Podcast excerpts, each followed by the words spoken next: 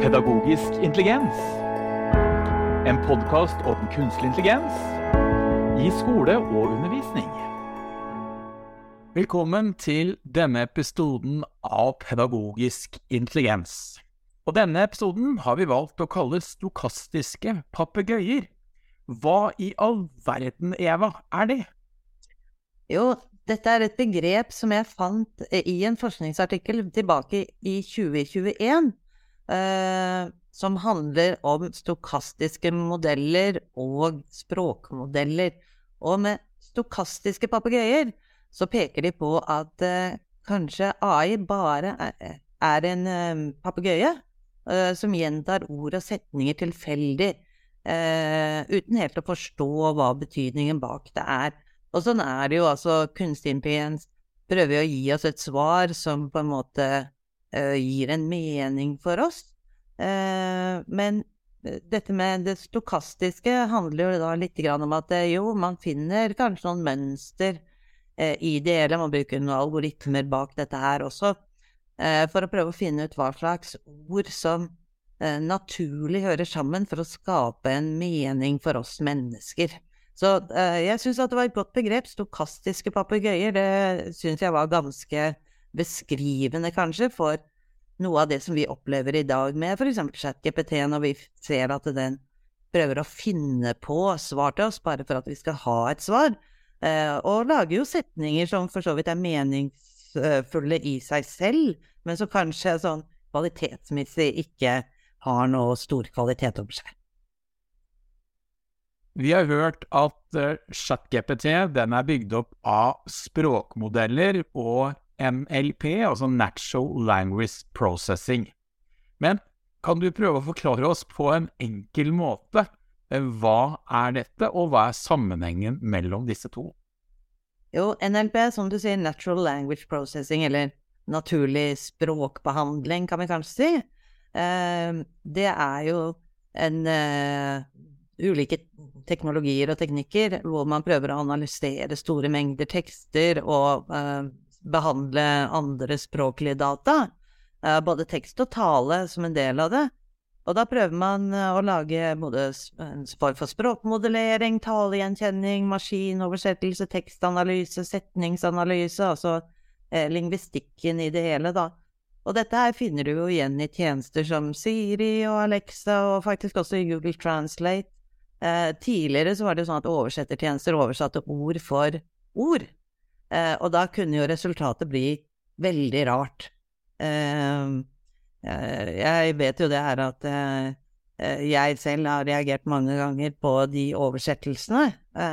noe av det som er utfordringa her, det er jo at man prøver å skape en mening ut ifra hvordan språket er bygd opp, sånn at man kan få ut noen meninger. og, og forstå hvordan på en måte språk prosesseres hos mennesker og skapende lignende. Så det brukes mye til analysere på den ene sida, og det å generere på den andre sida, altså generere tekstsvar ut til oss. Og da kommer denne stokastiske metoden inn igjen, eh, fordi at den prøver jo da å finne et mønster. Er noen ord som naturlig pleier å følge etter hverandre, for eksempel? Og når den da, eh, AI-en, skal generere en tekst, så vil den jo da prøve å sette sammen ord som den tidligere har sett har dannet noen mønster for å skape eh, meningsbærende tekst for oss. Eh, så det er eh, NLP er kjempevanskelig, og den har, eh, har, også noen sånne utfordringer. Ofte snakker man også om, eh, i forhold til dette med språkmodeller, noe som heter edgrammodellering.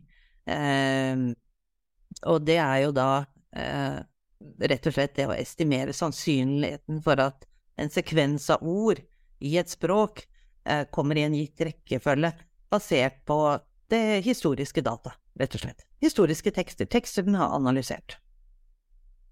Men vi blir veldig avhengig av uh, å, å, tro på den her. Så hvis vi får en stor, stor mengde data, kan vi da være ganske sikre på at kvaliteten er ivaretatt i de svarene som kommer ut?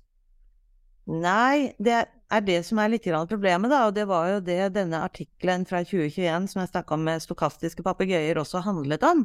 Fordi at om du har en stor mengde data, så er det ikke sikkert at eh, det du får ut som eh, resultat, altså den, det svaret du har fått da, fra, fra kunstig intelligens, nødvendigvis gir et helt riktig bilde av sannheten.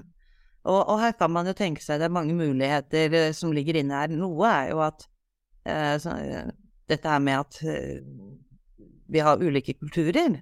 Sånn at det, det kan kanskje være vanskelig å forstå liksom de kulturelle forskjellene som språk uttrykker. Eh, språk er ulikt antall ord, altså engelsk er jo et mye rikere språk sånn sett enn norsk. Eh, vi har mye færre ord enn det er på engelsk. Så når man da skal prøve å liksom generalisere ned, så kan det jo være at noe går litt tapt der.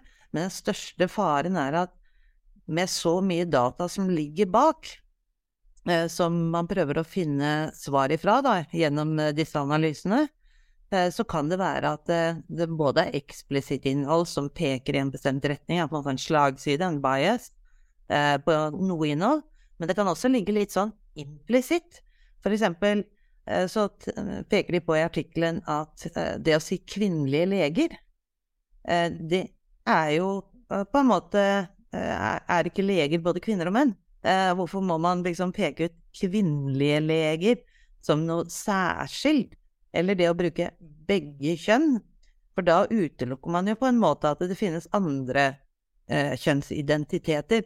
Så at eh, får man mye nok eh, sånne type eh, data inn, eh, så er det fort gjort at eh, den kan liksom peke seg ut i noen retninger som kanskje ikke er helt heldige, og i hvert fall ikke objektive. selv om jeg ser at det er lagt inn en del hva skal jeg si, begrensninger etter hvert nå på hva ChatGPT kan, kan si. Den eh, uttrykker seg veldig eh, generelt på noen områder. Eh, eh, for å være Og jeg er litt bekymra for at den kanskje har litt sånn woke-tendenser om dagen. Altså det å være politisk korrekt.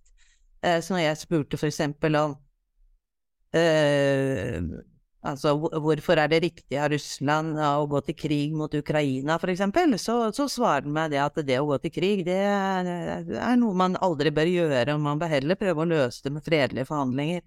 Så at eh, de prøver å, å, liksom oppdra den litt, da, fordi at eh, som sagt, de kan fort få litt slagside.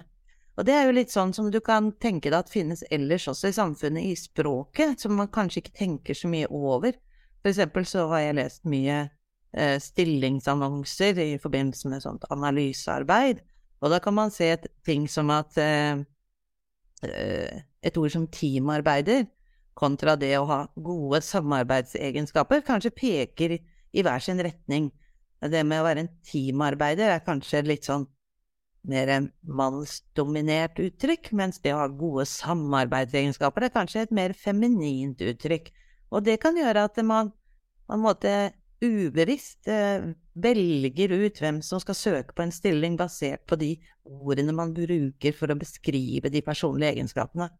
Og det er sånn som skjer her også. Så mye data er ikke noe garanti for at det er gode data. Altså rubbish in er rubbish out.